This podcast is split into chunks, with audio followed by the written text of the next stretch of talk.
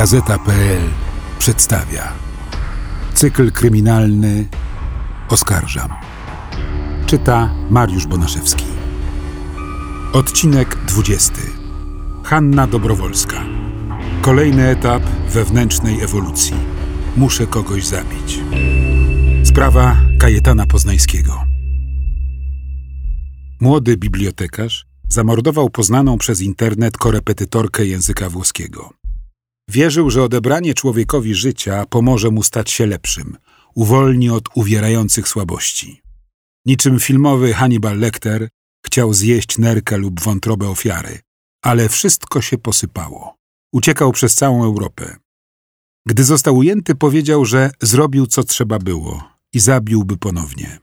Sąd skazał Poznańskiego na dożywocie, ale jego bliscy wciąż walczą, by uznać go za szaleńca.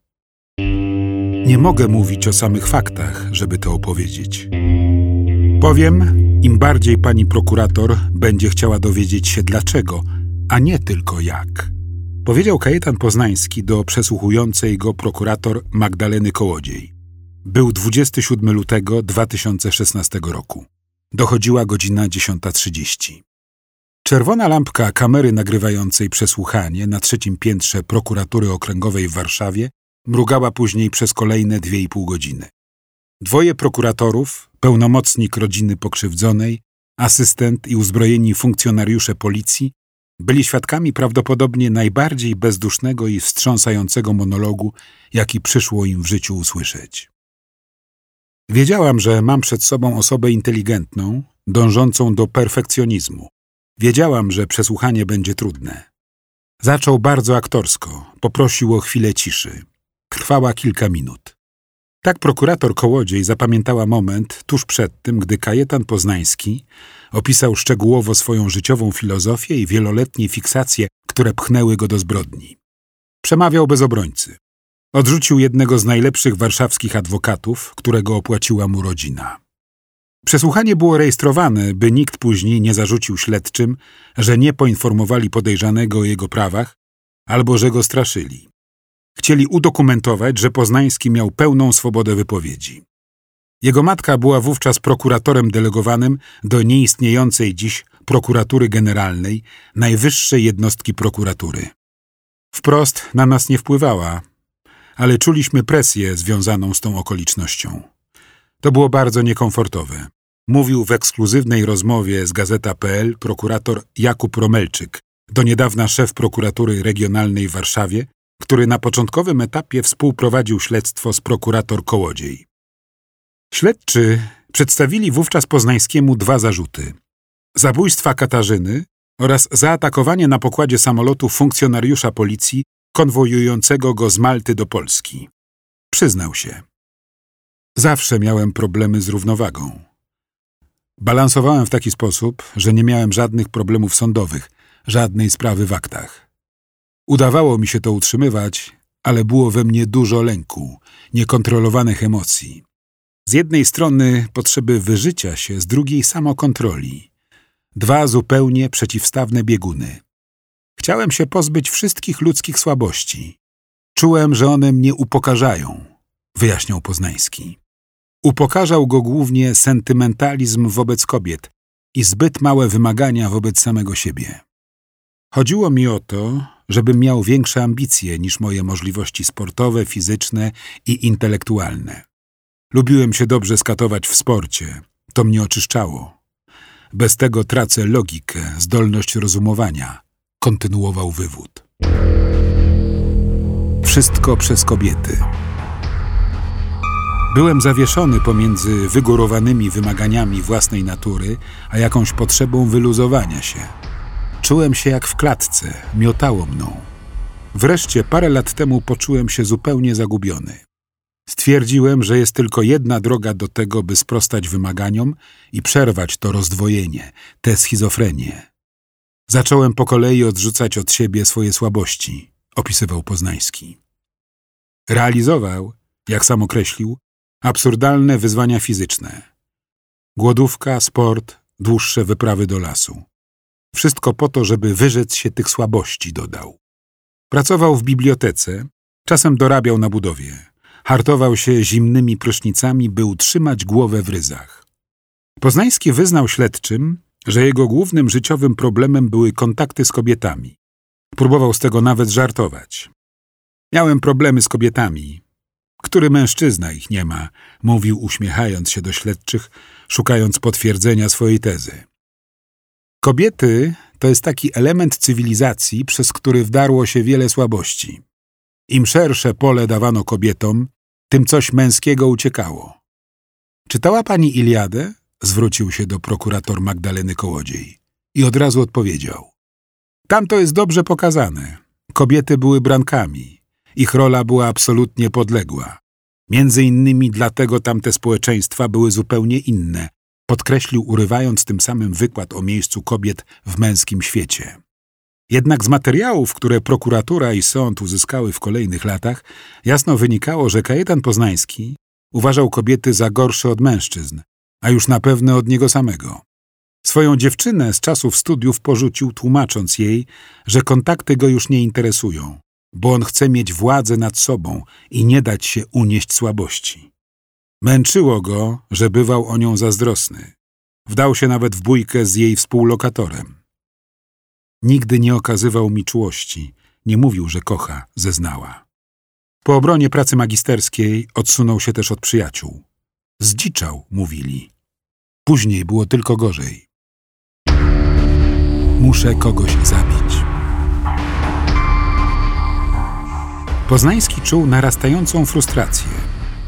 Działania, które miały uczynić go wyzwolonym człowiekiem, tylko nasiliły jego natrętne myśli i potęgowały dziwaczne pragnienia. Słabością, której nie mógł znieść, były więzy rodzinne. Matka była cenionym prokuratorem. Od najmłodszych lat Kajetanowi towarzyszyło pragnienie, by wszyscy dali mu spokój. Twierdził nawet, że gdyby ten spokój miał, to nie musiałby nikogo zabijać. Czułem agresję wobec ojca. Dostałem od niego parę razy porządnie pasem za młodu. Pewnej nocy przypomniałem sobie uczucia, które to we mnie wywołało, tę nienawiść wobec własnego ojca. Poczułem się wyzwolony. Pojechałem do domu i zlałem go pasem, tak jak on mnie kiedyś. Nie żałuję tego. Teraz przynajmniej byliśmy równiejsi, opowiadał podczas przesłuchania. Zdarzenie miało miejsce jesienią 2015 roku. Poznański wrócił wtedy do Warszawy i zgłosił się do szpitala. Konsultujący go psychiatra usłyszał, że czuje się jakby oddzieliła mu się dusza od ciała. Zlecono mu badania, na które nigdy nie przyszedł. W pewnym momencie Poznańskiemu zaczęli przeszkadzać ludzie w ogóle. Chciałem się od ludzi bardziej odseparować. Chciałem, żeby choć przez chwilę było normalnie. Przerwać ten dyskomfort psychiczny, mówił. Był przekonany, że wszyscy wokół oceniają go i komentują. Mówił, że jego ciemniejszy kolor skóry i bardzo szczupła sylwetka zwracały uwagę obcych. Twierdził, że słyszał, jak wołają za nim pedał. Nie lubił rozmawiać. Stresowały go zwykłe rozmowy z kolegami w pracy w bibliotece publicznej dzielnicy Wola. Choć był animatorem kultury i prowadził zajęcia w różnych placówkach, wciąż analizował, czy nie wyszedł na głupka. Drażniło go także współdzielenie przestrzeni z mężczyznami, z którymi wynajmował wspólnie mieszkanie na warszawskim Żoliborzu. Narzucał im swoje reguły. Chciał nawet, żeby buty odkładali według jego poleceń. Czuł spokój tylko wtedy, gdy wyjeżdżał z kraju, gdy podróżował z dala od cywilizacji. Latem 2015 roku odbył samotną podróż po Grecji.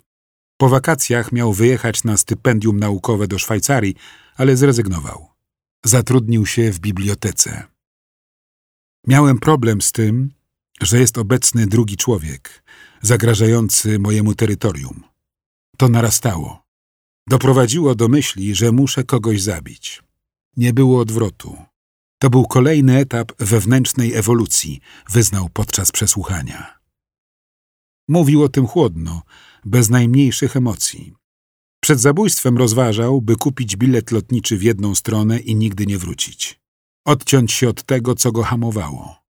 Słyszał jednak w głowie drugi głos, który mówił, że najpierw powinieneś to zrobić, bo uciekasz przed samym sobą. Schowasz się na końcu świata i może będziesz czuł się dobrze, ale nie do końca, bo nie zrobiłeś tego, co zrobić należało. Musiałem znaleźć pierwszą ofiarę. Chciałem znaleźć kogoś, na kim będzie można zobaczyć, jak to się robi, oświadczył. To, czyli zabójstwo. Chciał zobaczyć, jak to jest, kiedy nad kimś ma się władzę, żeby odebrać mu życie.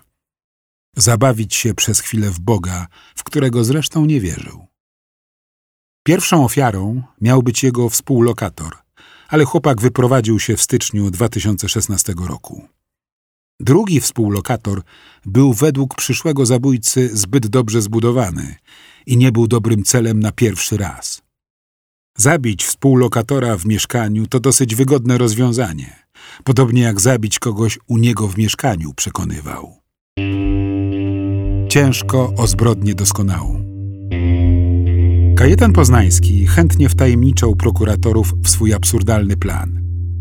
Wyjaśniał, że nie chciał szukać ofiary na ulicy. Szukał bezpiecznego rozwiązania, które da mu pełną anonimowość i zabezpieczy przed ryzykiem wpadki.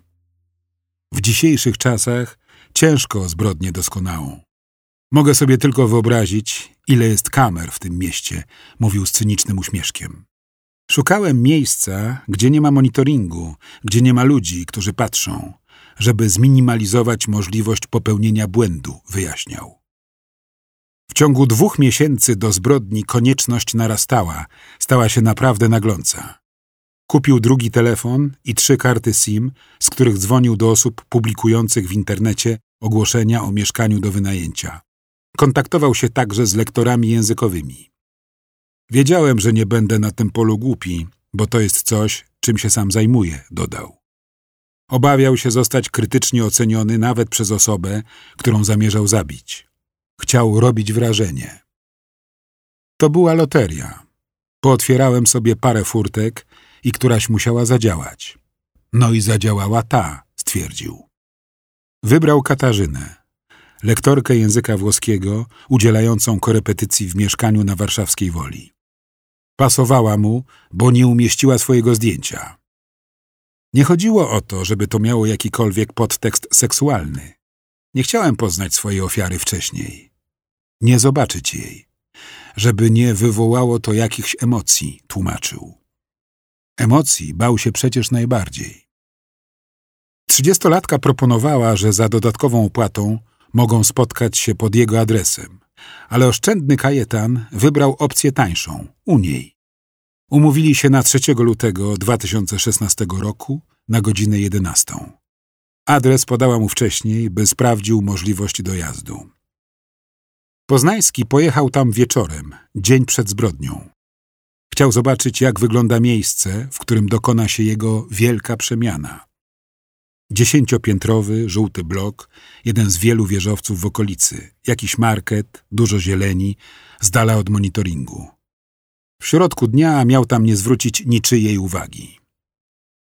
W dniu zabójstwa stawił się rano w pracy. To była dobra praca dla mnie, ale nie pozwalała mi zapomnieć o tym, co z tyłu głowy, a właściwie nie z tyłu, przerwał na moment. Wyszedłem z pracy o dziesiątej, tłumacząc, że mam jakieś obowiązki na zewnątrz. Nie było problemu. Po drodze poszedłem do pralni, bo chciałem wyglądać schludnie i wzbudzać zaufanie. A z drugiej strony miałem myśl, żeby się przebrać potem. Jakaś drobna zmiana w ubiorze po wszystkim, podkreślał. Katarzyna była przekonana, że jej nowy uczeń nazywa się Antoni Słomiński. Była z nim umówiona tuż przed wylotem do Bolonii, gdzie 3 lutego wieczorem miał ją z lotniska odebrać ukochany Manuel. Od upragnionego spotkania z chłopakiem dzieliła ją tylko ta jedna lekcja. Poznański pojawił się punktualnie, przywitali się. Spytała, czego się napije. To powiedziałem, że herbaty. Usiedliśmy w pokoju przy stole naprzeciwko siebie. Były tam rozłożone materiały. Napięcie narastało. Woda się zagotowała. Czekałem na dogodną chwilę. Poszedłem za nią do kuchni, ale miałem na sobie jeszcze płaszcz. Chciałem go odwiesić. Ta chwila się znalazła, bo zaproponowała, że ona odwiesi. Wtedy ją ugodziłem. Tak opisał moment zabójstwa. Mówił, że celował w tętnicę na szyi, bo tak podpowiadała mu wyobraźnia. Ofiarę zaszedł od tyłu, nie dając najmniejszych szans na reakcję. Podkreślał, że nie planował używać broni palnej, bo dopiero poderżnięcie komuś gardła to jest coś odpowiednio bezpośredniego, by poczuć, że się to zrobiło. Człowiek jak świnia. Poznański podkreślał, że jego celem nie było zadanie cierpienia. Robiłem to, co musiałem zrobić. Nie miałem doświadczenia. Wcześniej ubiłem kurę. To było troszkę coś innego, dodał, by po chwili wygłosić kontrowersyjny wykład, którego treść w opinii publicznej wzbudzała i do dziś budzi przerażenie. Człowiek zasługuje być potraktowany tak samo jak świnia, którą zażyna na obiad.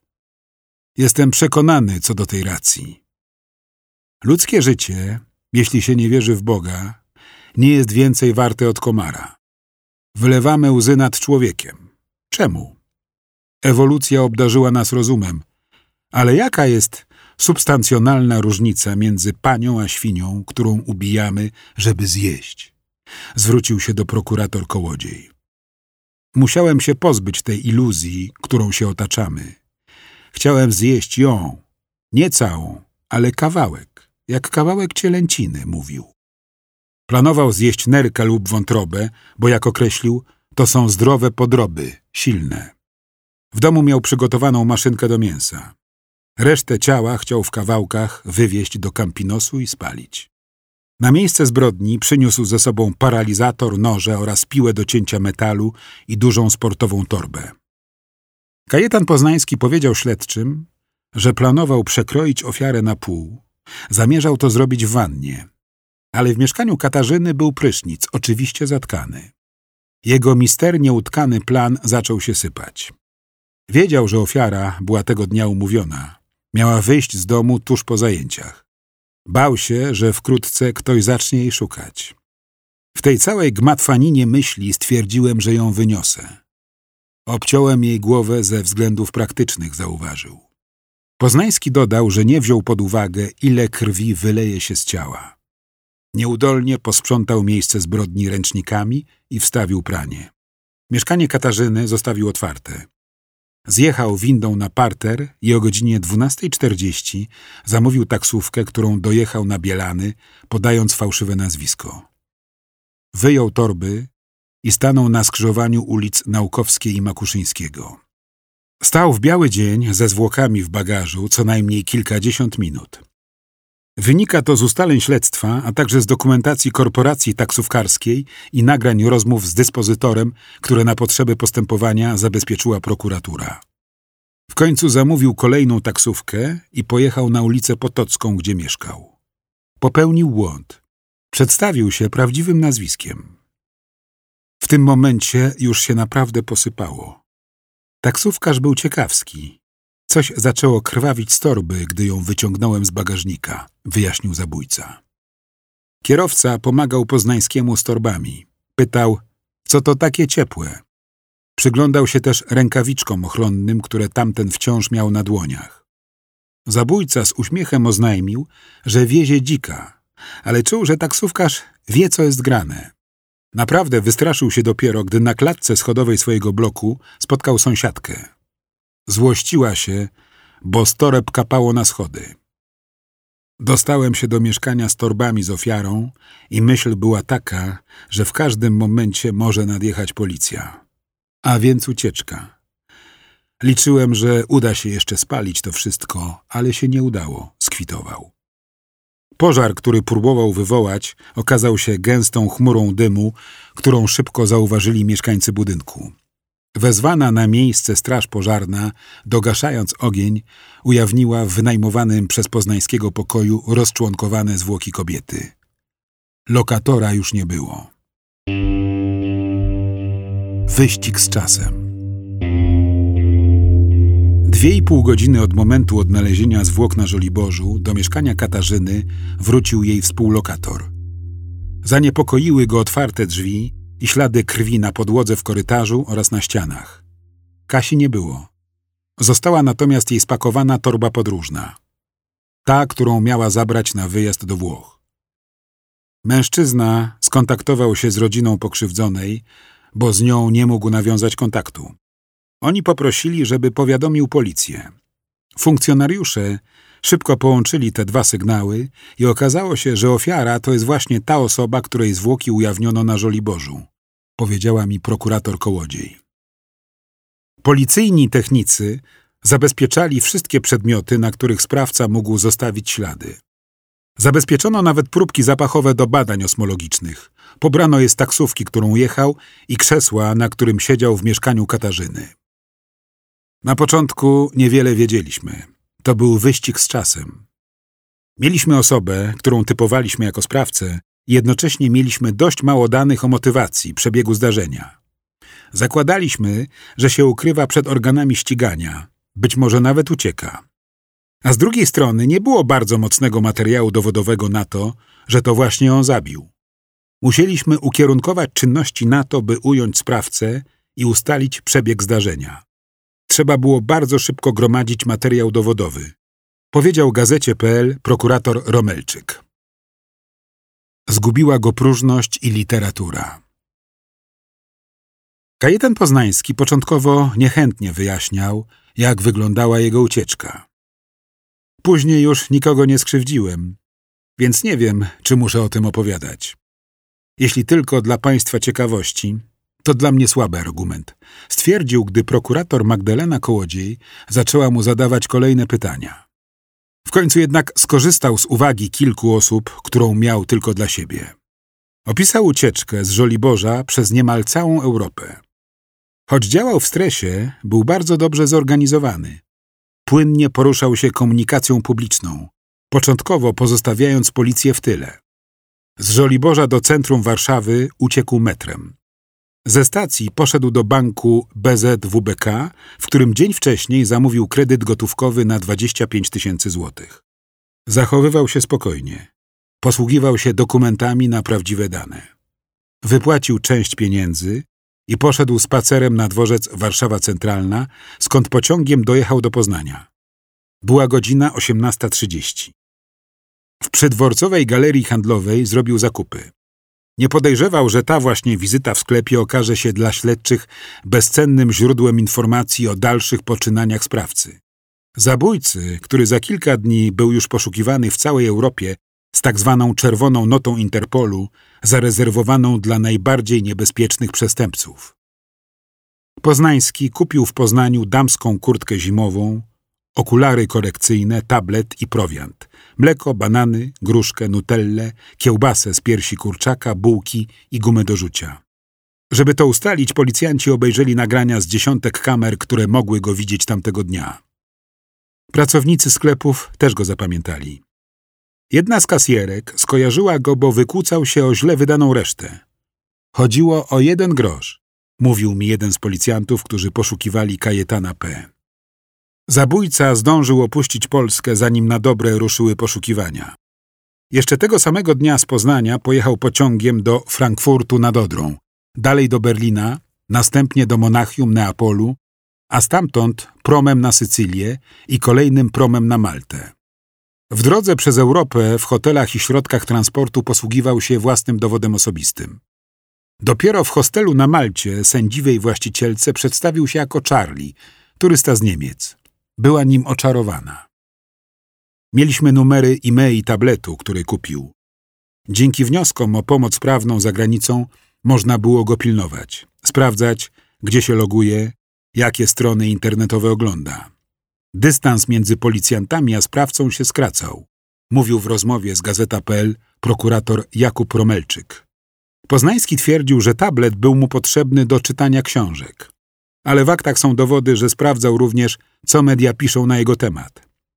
Zobaczyłem swoje zdjęcie i się wycofałem, stwierdził podczas przesłuchania. Zabójstwo, w które nie chce się wierzyć. Poszukiwania poznańskiego zlecono łowcom głów, funkcjonariuszom z zespołu poszukiwań celowych Komendy Wojewódzkiej Policji w Poznaniu, gdzie mężczyzna był zameldowany. Szukali go także łowcy cieni z Centralnego Biura Śledczego Policji. Został zatrzymany 17 lutego w stolicy Malty. Funkcjonariusze z Valetty wiedzieli, że na wyspie ukrywa się groźny zabójca i byli tym faktem mocno zaskoczeni. Szef Wydziału Kryminalnego maltańskiej policji udzielił mi w 2016 roku krótkiego wywiadu, w którym określił przypadek poznańskiego jako wyjątkowy. U nas w ciągu roku są trzy, może cztery zabójstwa. Na Malcie zabijają się tylko kryminaliści wyrównujący rachunki. Ale żeby mężczyzna zabił kobietę i obciął jej głowę? Takie rzeczy się tu nie dzieją, mówił. Kajetan Poznański został ujęty na przystanku autobusowym. Nie stawiał oporu. Zachowywał się spokojnie, nie okazywał żadnych emocji. Funkcjonariusze opowiadali, że tuż przed zatrzymaniem sądzili, że sprawca im się wymknął, że stracili z nim kontakt. W pewnym momencie otworzyły się drzwi od autobusu i wysiadł z niego kajetan. Powiadomili funkcjonariuszy maltańskich, zatrzymali go. Wspomina prokurator Magdalena Kołodziej. Dodała, że początkowo Poznański został aresztowany nie za zabójstwo, tylko za posiadanie noża, czego bezwzględnie zabrania maltańskie prawo. Nasz europejski nakaz aresztowania i przyjęta kwalifikacja prawna wzbudziła w maltańskim sądzie ogromne zainteresowanie. W dniu zatrzymania Kajetana musieliśmy przesłać dodatkowe informacje do sędziego na Malcie, bo nie dowierzał. Chciał więcej szczegółów, żeby miał obraz, z kim ma do czynienia. Nie mogli w to zabójstwo chyba uwierzyć, dodała prokurator Kołodziej. Okazało się, że maltańscy policjanci jeszcze przed zatrzymaniem mieli kontakt z Poznańskim. Przyszedł na komisariat i zgłosił, że zgubił paszport. Potrzebował dokumentu, żeby wyjechać do Afryki. W tym celu odwiedzał także konsulat tunezyjski. Chciałem znaleźć miejsce, w którym odnajdę spokój, tłumaczył. Podczas przesłuchania, jedynego podczas którego Poznański zdecydował się opowiedzieć swoją historię, pełnomocnik rodziny ofiar pytał, czy zabójstwo przyniosło mu oczekiwaną ulgę lub satysfakcję. Udało mi się wykonać jakiś krok naprzód. To było coś, co musiało się wydarzyć. Podchodziłem do tego rozumowo, na chłodno. Ulga? Satysfakcja? Każde z tych pojęć nie trafia. Może były we mnie jakieś cząsteczki z nich i może jeszcze paru innych uczuć, odpowiedział. Osobowość mordercy Prokurator Jakub Romelczyk przyznał w rozmowie z Gazeta.pl, że pierwszy raz spotkał się z taką motywacją sprawcy. W większości zabójstw, z którymi mamy do czynienia, sprawca swoją ofiarę zna albo chce ją zabić z powodu, który jest łatwy do wyobrażenia. Bardzo rzadko się zdarza, że sprawca nie zna swojej ofiary, podkreślał śledczy. Jednak ani prokurator Romelczyk, ani prokurator Kołodziej nie odnieśli wrażenia, że Kajetan Poznański postradał zmysły. Byli zaskoczeni, gdy po trwającej osiem tygodni obserwacji otrzymali opinię dwóch biegłych psychiatrów, które twierdziły, że zabójca Katarzyny jest chory na schizofrenię i w związku z tym nie można go postawić przed sądem. Ta pierwsza opinia stwierdzała jego całkowitą niepoczytalność, co bardzo mocno nie korespondowało z naszym doświadczeniem zawodowym ani doświadczeniem związanym z podejrzanym. Zresztą z biegłymi psychiatrami nie zgodził się biegły psycholog, który zwrócił nam uwagę na jej mankamenty, powiedział prokurator Romelczyk. Śledczy nie mogli powołać kolejnego zespołu biegłych tylko dlatego, że nie zgadzali się z twierdzeniami pierwszego zespołu. Ekspertki złożyły dodatkowe ustne opinie, w których całkowicie podtrzymały swoje stanowisko. Jednak po ich wysłuchaniu prokuratura miała jeszcze więcej pytań niż odpowiedzi. Wtedy zdecydowano o powołaniu kolejnych specjalistów. Pytałem prokuratorów, dlaczego tak bardzo zależało im, by drążyć ten wątek. Dlaczego po prostu nie umorzyli postępowania, by sąd odesłał Poznańskiego z aresztu śledczego do psychiatryka? Podczas przesłuchania powiedział, że zabiłby ponownie. Absolutnie wierzyłem w jego słowa. Walka była o to, by sprawiedliwy wyrok w ten czy inny sposób wyizolował sprawcę od społeczeństwa, podkreślał prokurator Romelczyk. Gdyby więc trafił do szpitala, a nie do więzienia, a po jakimś czasie lekarze uznali go za zdrowego, skrajnie niebezpieczny przestępca wróciłby na wolność. Zadanie drugiego zespołu ekspertów było utrudnione, bo nie mogli wziąć Poznańskiego na obserwację. Osiem tygodni to maksymalny czas, na jaki w toku śledztwa można kogoś zamknąć w szpitalu. Wydana przez nich opinia wskazywała jednak, że Kajetan był w momencie zabójstwa jedynie częściowo niepoczytalny, a to oznaczało, że może odpowiadać przed sądem. Psychiatrzy zdiagnozowali u niego nieprawidłową osobowość, która wpływa na reakcje i emocje zabójcy, ale w żadnym stopniu nie upośledza jego inteligencji. Wiedział, że zabijać nie wolno, ale nie mógł się powstrzymać. Musiał ulec swoim fantazjom. Jego ideologia, będąca wytworem wadliwych przekonań, koncentrowała się wokół twierdzenia, że człowiek jest nikim. Trzeba zabić swój obiad. Poznański budował obraz siebie jako lepszego, stojącego wyżej od społeczeństwa. Wierzył, że jest wielkim filozofem. Chciał pisać i szerzyć swoje idee, ale żadna gazeta nie wydrukowała proponowanych przez niego materiałów nawiązujących głównie do kanibalizmu. Czy nie powinniśmy choć raz w życiu zabić swojego obiadu, aby być ze sobą w moralnej zgodzie? Pytał w jednym z felietonów. Nie ukrywał też fascynacji filmowym Hannibalem Lecterem, seryjnym zabójcą, który zjadał swoje ofiary. W tekście, który marzył opublikować w tygodniku Polityka, Lektera określił mianem słynnego smakosza. Chciał się zbliżyć do fikcyjnego ideału. Tak jak on kochał sztukę i słuchał muzyki klasycznej, interesował się operą. Po zbrodni nazywany był przez media Hannibalem z Żoliborza. Wszędzie spotykało go odrzucenie. Nie rozumiał, dlaczego ktoś, taki jak on, nie jest doceniany, nie ma dobrej pracy, statusu.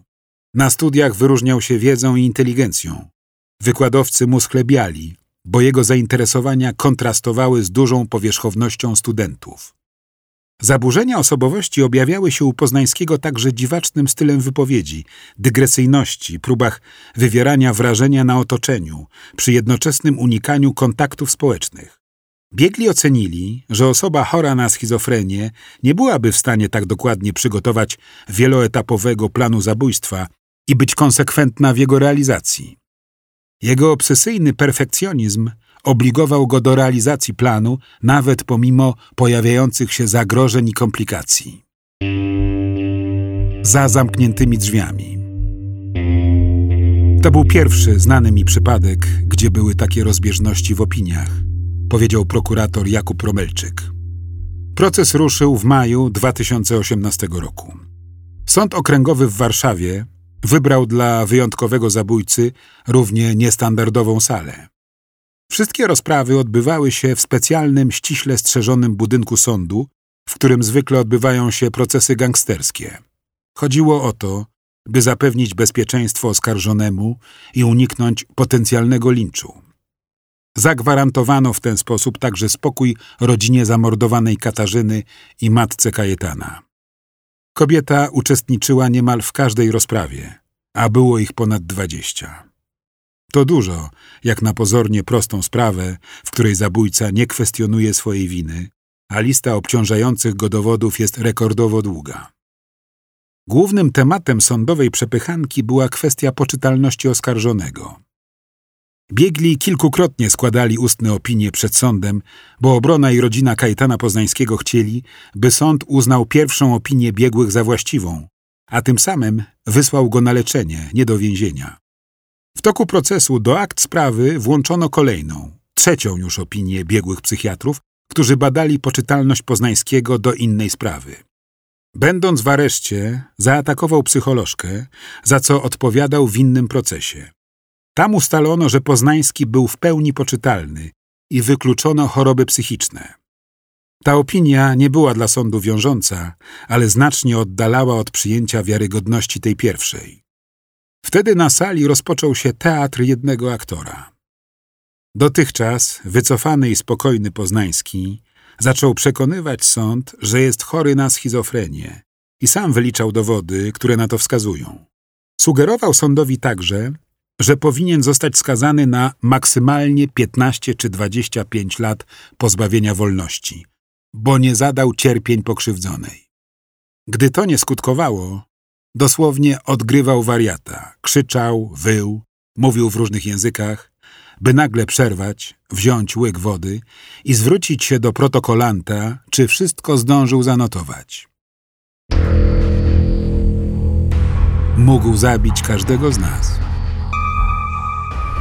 26 stycznia 2021 roku, po niemal dwuletnim procesie, sędzia Danuta Kachnowicz była gotowa ogłosić wyrok.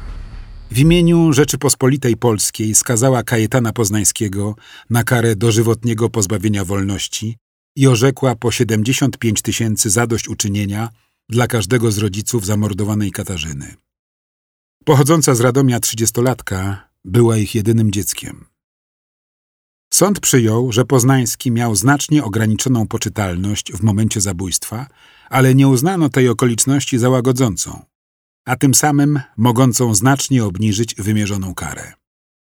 Sędzia Kachnowicz podkreśliła, że kara dożywotniego więzienia jest karą wyjątkową, zarezerwowaną dla sprawców najbardziej zdemoralizowanych i niepodatnych na resocjalizację. Oskarżony chciał zabić kogoś. Nie miał wybranej wcześniej ofiary. Mogła to być dowolna osoba. Właściwie każdy z nas, kto w danej chwili odpowiadałby jego wymaganiom, zauważyła sędzia Kachnowicz. Przewodnicząca składu orzekającego wzięła pod uwagę, że z opinii biegłych psychiatrów wynika, że Kajetan Poznański jest osobą niebezpieczną, stanowiącą zagrożenie dla innych. Zadaniem wymierzonej kary, z uwagi na cechy osobowościowe sprawcy, a także jego postawę w toku postępowania, było odizolowanie go od społeczeństwa, dodała sędzia. Wówczas w kodeksie karnym nie było możliwości orzekania bezwzględnego dożywotniego pozbawienia wolności. A to oznacza, że po upływie 25 lat od zbrodni, czyli w 2041 roku, będzie mógł się ubiegać o warunkowe, przedterminowe zwolnienie. Będzie miał wtedy 52 lata. Wyrok Sądu Okręgowego uprawomocnił się latem 2023 roku. Obrona Poznańskiego zapowiada jeszcze złożenie kasacji. Prokurator Magdalena Kołodziej przyznała w rozmowie z Gazeta.pl, że to jedyne orzeczenie, które mogło zapaść. Wyrok jest słuszny. Tym bardziej, że oskarżony nigdy nie wyraził skruchy. Nigdy nie powiedział, że żałuje. Cały czas mi się przypomina moment, gdy na koniec przesłuchania zapytałam go, czy żałuje tego, co zrobił. Spojrzał na mnie i powiedział: A jak pani myśli, pani prokurator?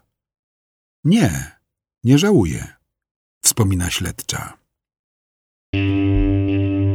Więzienna rutyna. Hannibal z Żoliborza przebywa obecnie w zakładzie karnym bliżej rodzinnego domu. Został przeniesiony po tym, jak wyrok się uprawomocnił.